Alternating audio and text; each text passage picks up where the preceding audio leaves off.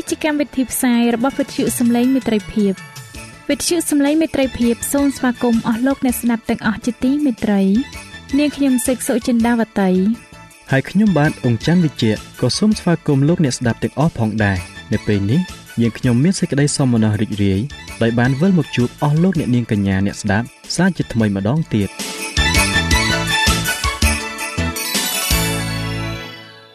ចា៎លោកអ្នកស្ដាប់ជាទីមេត្រី នាងខ្ញុំសូមគោរពអញ្ជើញអស់លោកលោកស្រីអ្នកនាងកញ្ញាតាមដានស្ដាប់កម្មវិធីផ្សាយរបស់វិទ្យុយើងខ្ញុំដូចតទៅ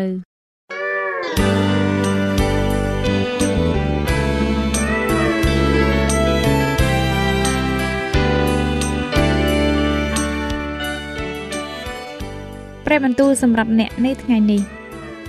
ព្រះគម្ពីររ៉ូមចំពុក14ខ17ដល់18បានចែងថា ត្បិតនគរព្រះមិនសម្រេចនឹងការស៊ីឬផឹកនោះទេ គឺសម្រេចនឹងសេចក្តីសុចរិតសេចក្តីមេត្រី និងសេចក្តីអំណរដោយនៅព្រះវិញ្ញាណបរិសុទ្ធវិញទេតាពីព្រោះអ្នកណាដែលបម្រើព្រះគ្រីស្ទដោយសារសេចក្តីទាំងនោះអ្នកនោះជាទីគប់ព្រះハរតីដល់ព្រះហើយព្រមទាំងមានមនុស្សរាប់អានដល់ខ្លួនដែរ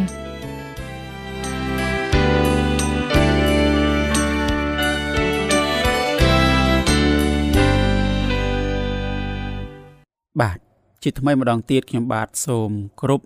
ជំរាបសួរនិងស្វាគមន៍អស់លោកអ្នកទាំងអស់គ្នាមកកាន់នេតិសបាស្គូលប្រចាំសប្ដាហ៍មេរៀនរបស់យើងសម្រាប់សប្ដាហ៍នេះមានចំណងជើងថាបរោះនៃសេចក្តីជំនឿ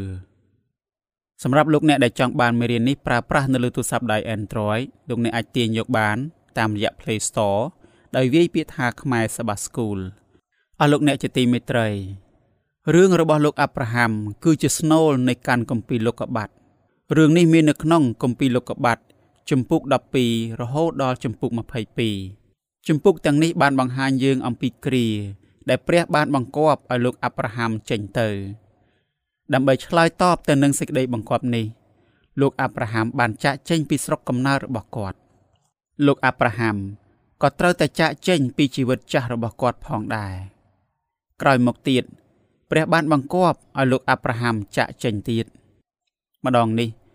ព្រះបានបង្គាប់ឲ្យលោកអាប់រ៉ាហាំឡើងទៅលើភ្នំមួយ ដើម្បីថ្វាយកូនប្រុសរបស់គាត់ គឺអ៊ីសាទុកជាដង្វាយដុត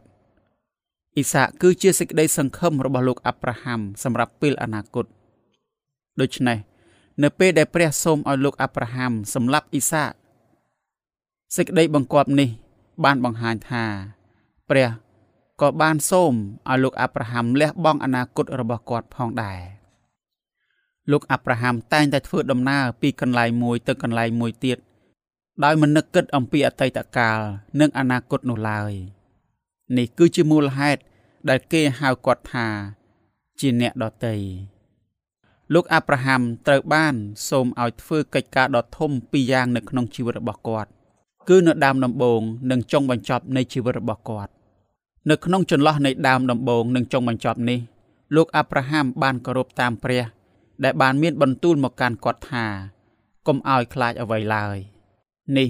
គឺជាមូលហេតុដែលនាំឲ្យអ្នកសរសេរគម្ពីរសញ្ញាថ្មី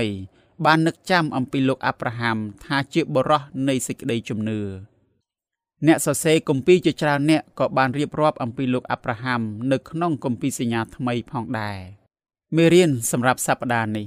យើងនឹងបានឃើញអំពីមូលហេតុនៃលក្ខណៈដ៏ពិសេសរបស់លោកអាប់រ៉ាហាំ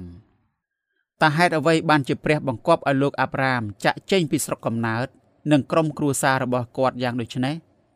តើលោកអាប់រ៉ាមបានឆ្លើយតបទៅនឹងសេចក្តីបង្គាប់នេះដោយរបៀបណាដែររយៈកាលកន្លងមក យើងបានឃើញនៅក្នុងគម្ពីរអំពីការដែលព្រះបានមានបន្ទូល ទៅមនុស្សម្នាក់ដែលមានឈ្មោះថាលោកណូអេព្រះបានបង្គាប់លោកណូអេថា ទ្រង់នឹងតាំងសេចក្តីសញ្ញាជាមួយនឹងជីវិតទាំងអស់នៅលើផែនដីនេះព្រះបានសន្យាថាទ្រង់នឹងមិនបំផ្លាញផែនដីនេះដោយទឹកជំនន់ធំទៀតឡើយឥឡូវនេះព្រះបានតាំងសេចក្តីសញ្ញាថ្មីមួយជាមួយនឹងលោកអាប់រ៉ាមយ៉ាងដូចនេះថា គ្រប់ទាំងគ្រួនៅផែនដីនឹងបានពរដោយសារឯងដែលមានចែងនៅក្នុងគម្ពីរលោកុបាទជំពូក12ខ3ព្រះ បានចាប់ផ្ដើមរក្សាសេចក្តីសន្យារបស់ទ្រង់នៅពេលដែលលោកអាប់រ៉ាមបានចាក់ចេញពីអតីតកាលរបស់គាត់លោកអាប់រ៉ាមបានចាក់ចេញពីអ្វីអ្វីគ្រប់យ៉ាងដែលគាត់បានស្គាល់នោះគឺជាគ្រួសាររបស់គាត់ស្រុកកំណើតរបស់គាត់ហើយជាផ្នែកមួយនៃខ្លួនគាត់ផ្ទាល់តែម្ដង ជាដំបូងលោកអាប់រ៉ាមបានចាក់ចេញពីក្រុងអឺនៅក្នុងស្រុកបាប៊ីឡូនដែលជាស្រុកកំណើតរបស់គាត់ យើងក៏បានឃើញនៅក្នុងគម្ពីរដទៃទៀតដែលបានចែងថា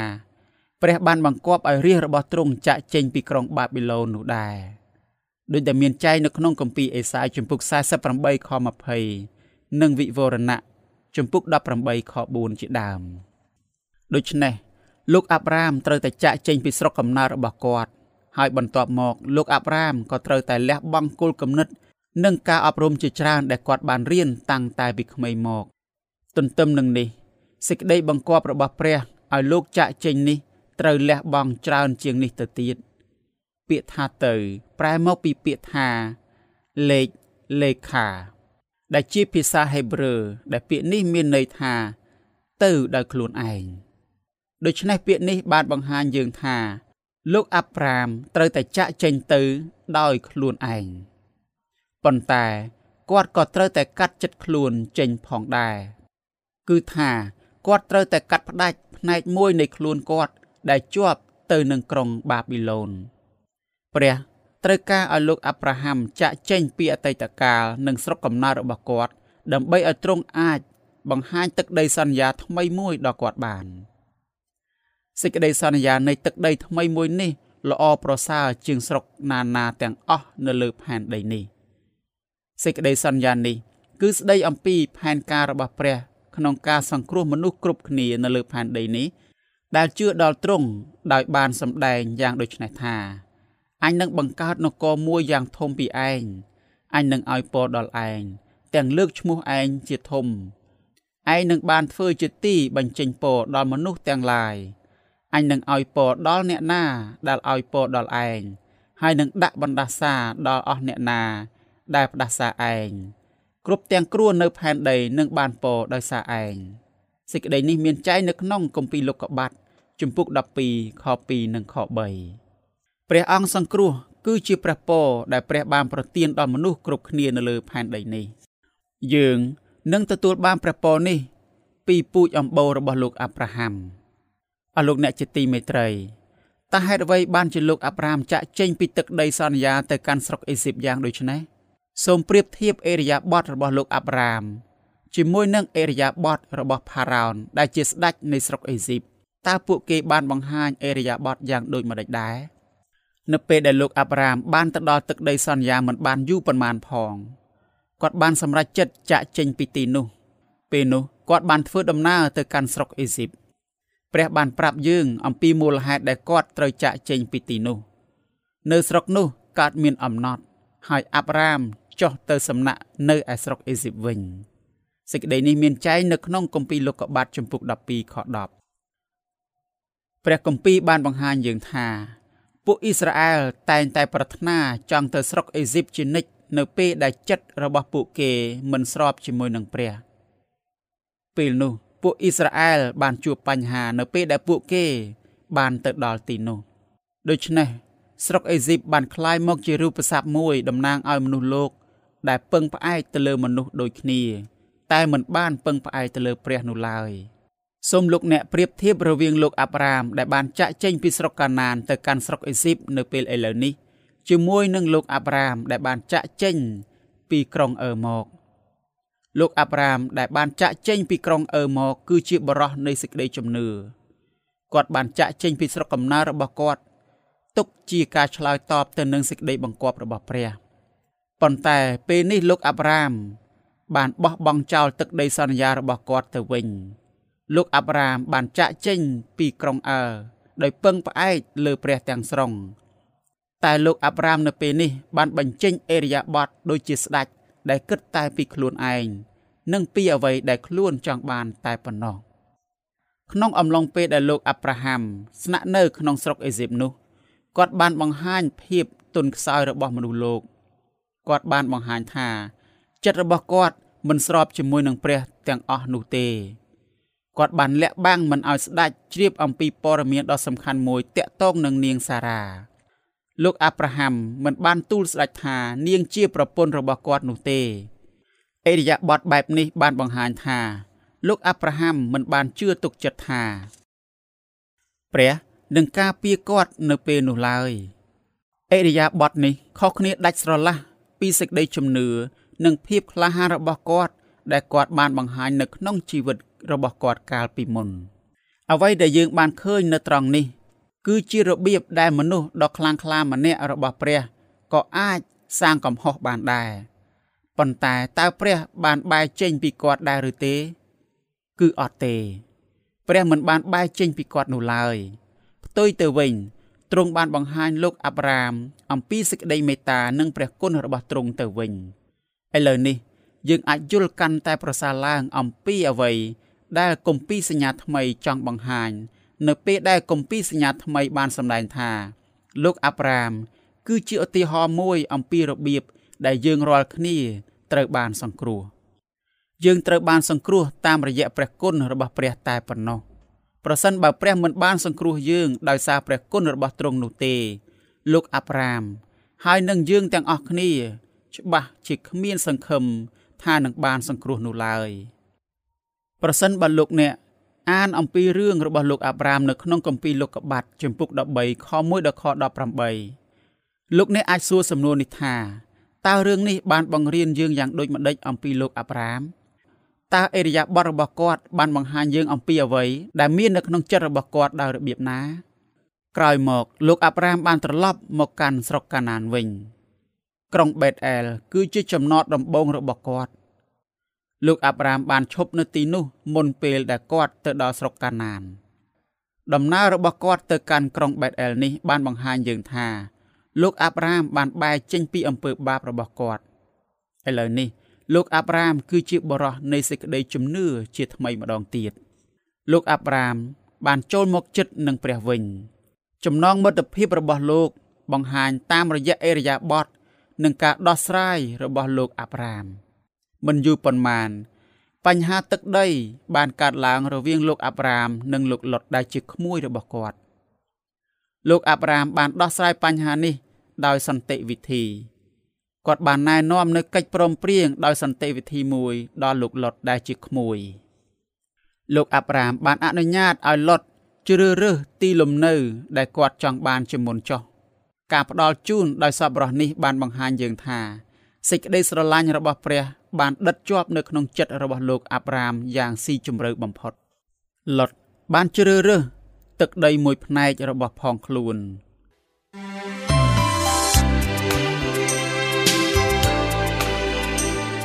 សេចក្តីជំនឿកើតឡើងដោយលឺ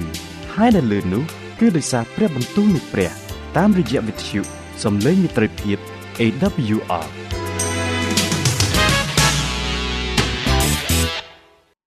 អស់លោកអ្នកជាទីមេត្រីលោកអ្នកអាចអានអំពីរឿងនេះនៅក្នុងគម្ពីរលោកុបាតចំពុក13ខ11និងខ10ផងដែរលុតដែលជាក្មួយមិនបានខ្វល់ខ្វាយថាទឹកដីដែលគាត់បានជ្រើសរើសនោះ ពោពេញទៅដោយមនុស្សអាក្រក់នោះឡើយជំរឿសរបស់លោក បានបង្ហាញយើងថា គាត់មានចិត្តលោភលន់ពាក្យថាជារបស់ផងខ្លួន បានជួយឲ្យយើងនឹកចាំពីមនុស្សដែលបានរស់កាលពីសម័យមុនទឹកជំនន់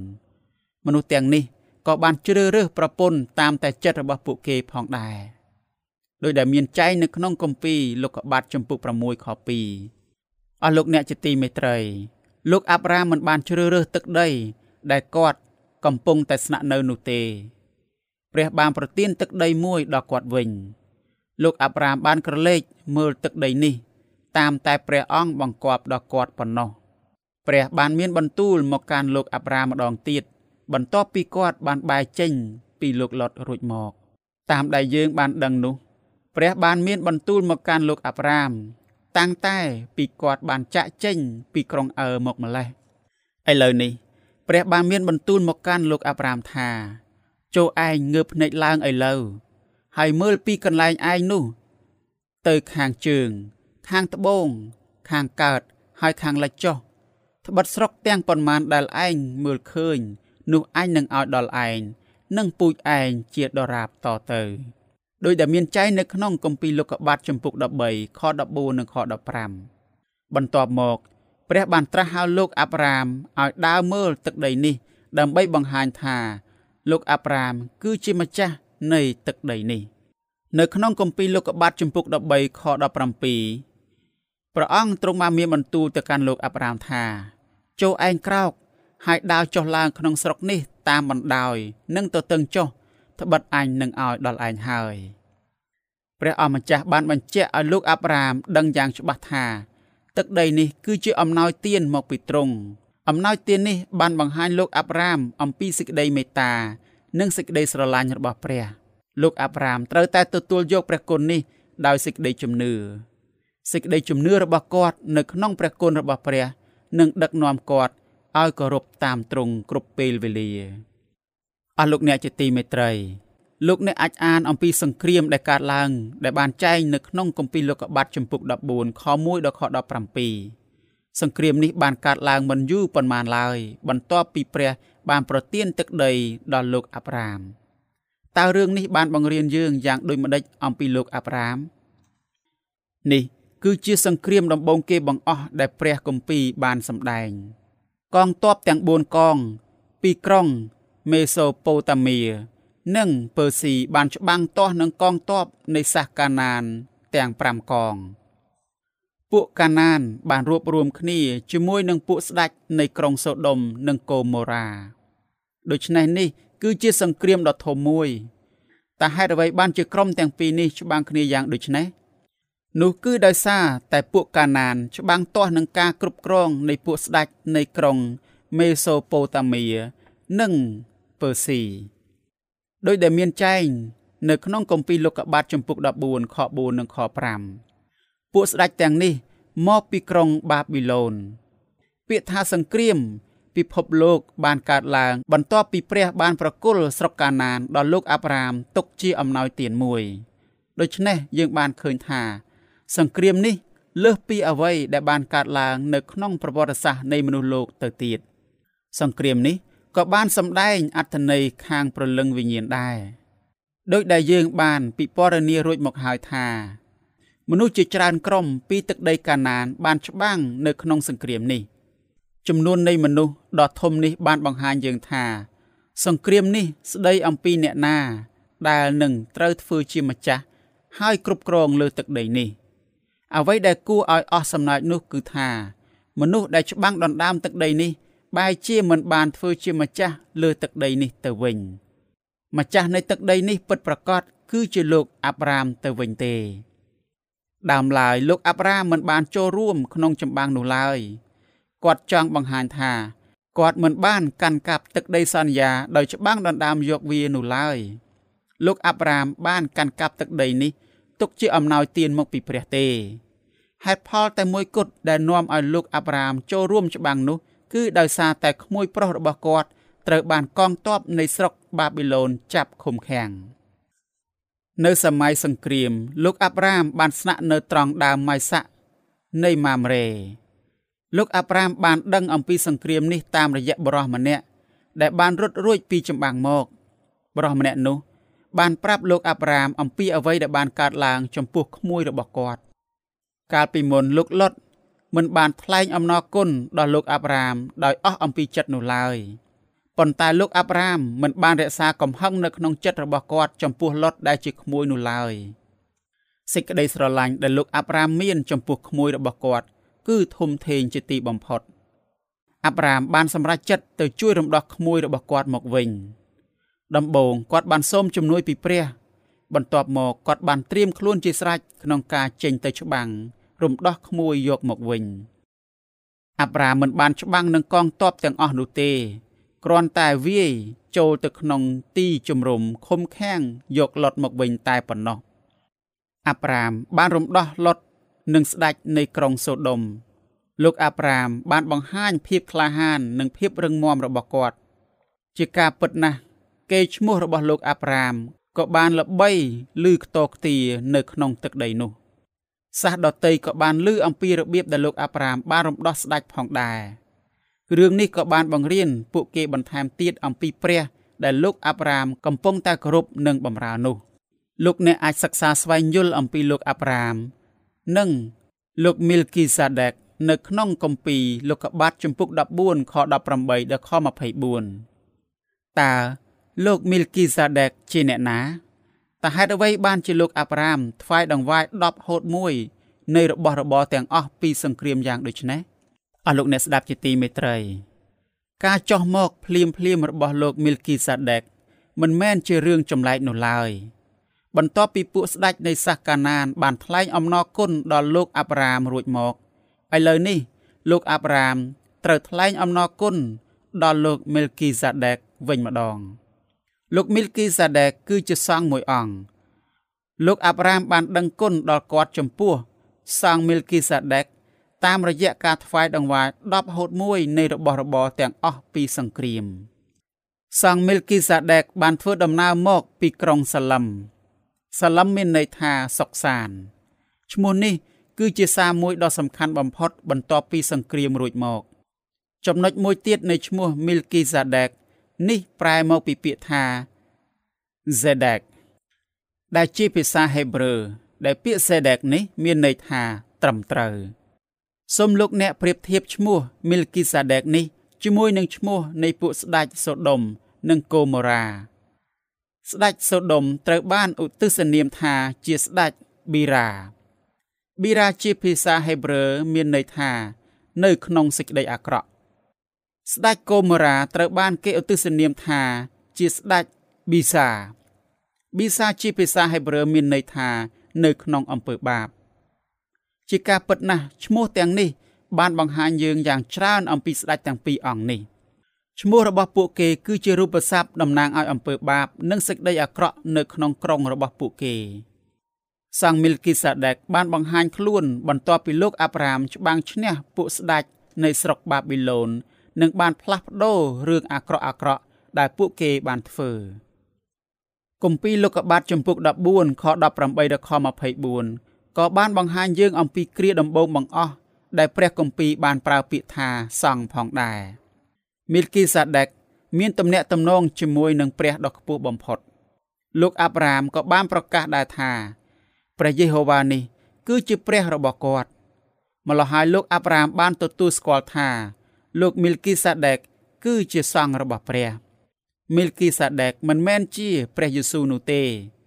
សង្ឃមីលគីសាដេកគឺជាអ្នកបម្រើម្នាក់របស់ព្រះ នៅក្នុងចំណោមមនុស្សនាសម័យនោះក្នុងនាមជាសង្ឃរបស់ព្រះមីលគីសាដេកបានចាត់ចែងខាងឯផ្នែកនំប៉័ងនិងទឹកទំពាំងបាយជូរស្រស់ក្រោយមកគម្ពីរបានផ្សារភ្ជាប់ទឹកផ្លែឈើនេះជាមួយនឹងដង្វាយ10ហូត1ម្ដងទៀត ដោយដែលមានចែងនៅក្នុងគម្ពីរចោទយកថាជំពូក14ខ23យោងទៅតាមរឿងនៅក្នុងកាន់គម្ពីរលោកុបាទសង្ឃមីលគីសាដេកក៏បានប្រទានពរដល់លោកអាប់រ៉ាមផងដែរនៅក្នុងគម្ពីរលោកុបាទជំពូក14ខ20បានប្រាប់យើងថារួចគាត់ក៏ថ្វាយមួយភាគក្នុង10ពីគ្រប់របស់ទាំងអស់ដល់ទ្រង់លោកអាប់រ៉ាមបានថ្វាយដង្វាយ10ហូត1នេះទៅកាន់សង្ឃមីលគីសាដេក ដើម្បីបង្ហាញអំពីការដឹងគុណរបស់គាត់ចំពោះព្រះ ដែលជាម្ចាស់នៃស្ថានសួគ៌និងផែនដីដូច្នេះលោកអាប់រ៉ាមបានបង្ហាញថា យើងថ្វាយដង្វាយដល់ព្រះដោយសារតែទ្រង់ជាម្ចាស់នៃអ្វីៗទាំងអស់ដង្វាយ10ហូត1មិនមែនជាអំណោយថ្វាយដល់ព្រះនោះឡើយដង្វាយ10ហូត1គឺជាអំណោយទានមួយមកពីព្រះវិញត្បិតអ្វីអ្វីគ្រប់យ៉ាងដែលយើងមានសុទ្ធតែមកពីព្រះទាំងអស់ ព្រះយេស៊ូវចង់ឲ្យពួកជំនុំរបស់ទ្រង់បានព្រះពរព្រះយេស៊ូវនឹងប្រទានពរដល់ពួកជំនុំដោយដែលពួកគេឲ្យពរដល់អ្នកដទៃផងដែរព្រះបានជ្រើសរើសរាសដ៏ពិសេសមួយទុកជារបស់ផងទ្រង់ទ្រង់បានយកពួកគេធ្វើជាបុត្រាបុត្រីរបស់ទ្រង់ផ្ទាល់ព្រះអង្គមានបំណងចង់ប្រទានពរដល់មនុស្សទាំងអស់នៅលើផែនដីជាមួយនឹងព្រះពរដែលទ្រង់បានប្រទានដល់រាជរបស់ទ្រង់យ៉ាងដូច្នោះដែរ ព្រះអម្ចាស់បានយកលោកអាប់រ៉ាហាំធ្វើជាមិត្តដ៏ពិសេសរបស់ទ្រង់ព្រះក៏បានជ្រើសរើសប្រទានពរយ៉ាងច្រើនដល់លោកអាប់រ៉ាហាំព្រះចង់ឲ្យលោកអាប់រ៉ាហាំចែករំលែកព្រះពរទាំងនេះជាមួយនឹងមនុស្សនៅជុំវិញគាត់លោកអាប់រ៉ាហាំប្រៀបដូចជាពន្លឺភ្លឺនៅក្នុងទីងងឹតយ៉ាងដូច្នោះដែរអស់លោកអ្នកជាទីមេត្រីសូមឲ្យអត្ថន័យនៃមេរៀនសម្រាប់សប្តាហ៍នេះ បានជួយលើកទឹកចិត្តដល់អស់លោកអ្នកទាំងអស់គ្នា ក្នុងការចែករំលែកនៅព្រះពរក្នុងការបង្ហាញដល់អ្នកដទៃអំពីលក្ខណៈនៃសេចក្តីសប្បុរសនិងសេចក្តីស្រឡាញ់អំពីព្រះនៃស្ថានសួគ៌ដល់មនុស្សនៅជុំវិញខ្លួនមុននឹងខ្ញុំបាទលាពីលោកអ្នកនៅពេលនេះខ្ញុំសូមលើកយកនៅខគម្ពីរមួយទុកជាចំណងដៃដល់អស់លោកអ្នកទាំងអស់គ្នាគឺគម្ពីរហេព្រើរជំពូក11ខ8ដែលខនេះបានចែងថាដោយសារសេចក្តីជំនឿកាលព្រះបានហៅលោកអាប់រ៉ាហាំ នោះលោកក៏បានស្ដាប់បង្គាប់លោកចេញទៅឯកន្លែង ដែលត្រូវទទួលមរតកគឺចេញទៅឥតមានដឹងជាទៅឯណាទេអស់លោកអ្នកជាទីមេត្រីដោយសារសេចក្តីជំនឿនេះឯងដែលលោកអាប់រ៉ាហាំបានពោហើយមនុស្សជាច្រើននៅលើផែនដីនេះក៏បានពោតាមរយៈលោកដូច្នេះសូមឲ្យព្រះទ្រង់បានគង់នៅជាមួយនឹងអស់លោកអ្នកហើយសូមជួយអស់លោកអ្នក បានប្រកបដោយព្រះគុណនិងសេចក្តីសុខសាន្តខ្ញុំនឹងវិលត្រឡប់មកជួបអស់លោកអ្នកជាថ្មីម្ដងទៀតនៅសប្តាហ៍ក្រោយ សូមអរគុណសូមជម្រាបលា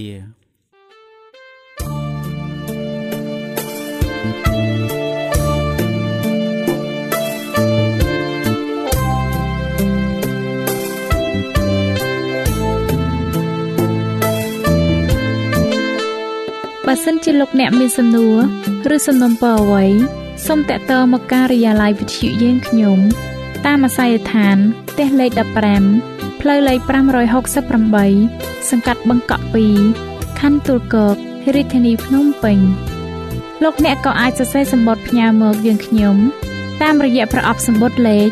488ភ្នំពេញឬតាមទូរស័ព្ទលេខ012 34 96 64ឬ097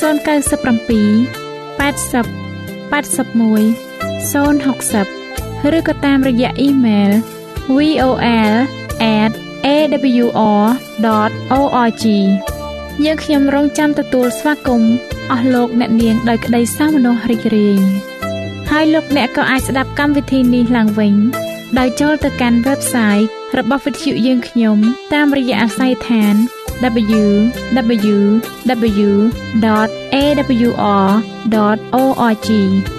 លោកអ្នកនាងកញ្ញាជាទីមេត្រី កម្មវិធីផ្សាយរបស់វិទ្យុសំឡេងមេត្រីភាពនៅពេលនេះសូមបញ្ចប់តែប៉ុណ្ណេះ